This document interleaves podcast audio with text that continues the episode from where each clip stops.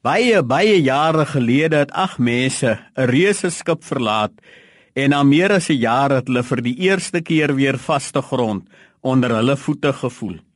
Noag en sy gesin het in daardie jaar die veiligheid van die ark te midde van die verwoestende watervloed leer ken.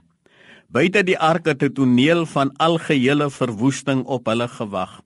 Alles was stukkend, huise en landerye was vernietig, bome was ontwortel en bo oor alles het die stilte van die dood gehang.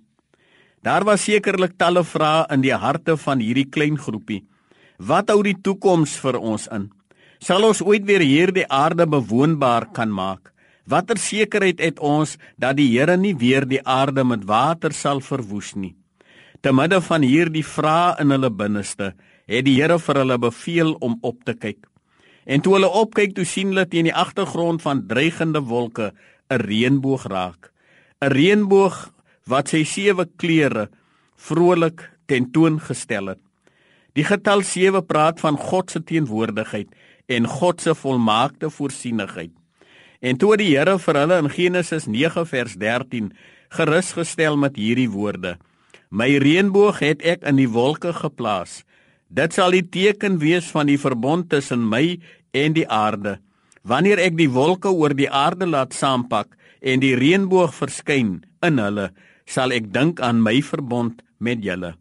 Toe daar kalmte in die harte van hierdie gesin gekom en hulle het geweet dat die God wat hulle in die ark bewaar het, steeds in beheer was.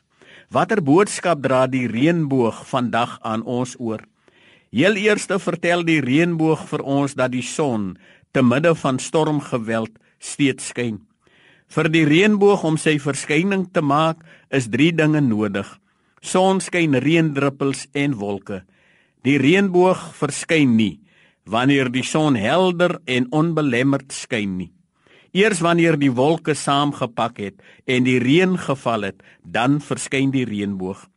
Die reënboog verbind ook hemel en aarde met mekaar. Die boog van die reënboog is in die wolke geleë terwyl die arms van die reënboog afbuig om aan die aarde te raak. Ons woon in 'n stikkende land vol stikkende mense. Dag na dag maak ons kennis met die gebrokenheid rondom ons. Vandag vra die Here ons om net weer 'n slaggie boontoe te kyk en te onthou dat die God van die reënboog steeds in beheer is. Die son skyn al word dit soms bitterlik donker en al woed die storms.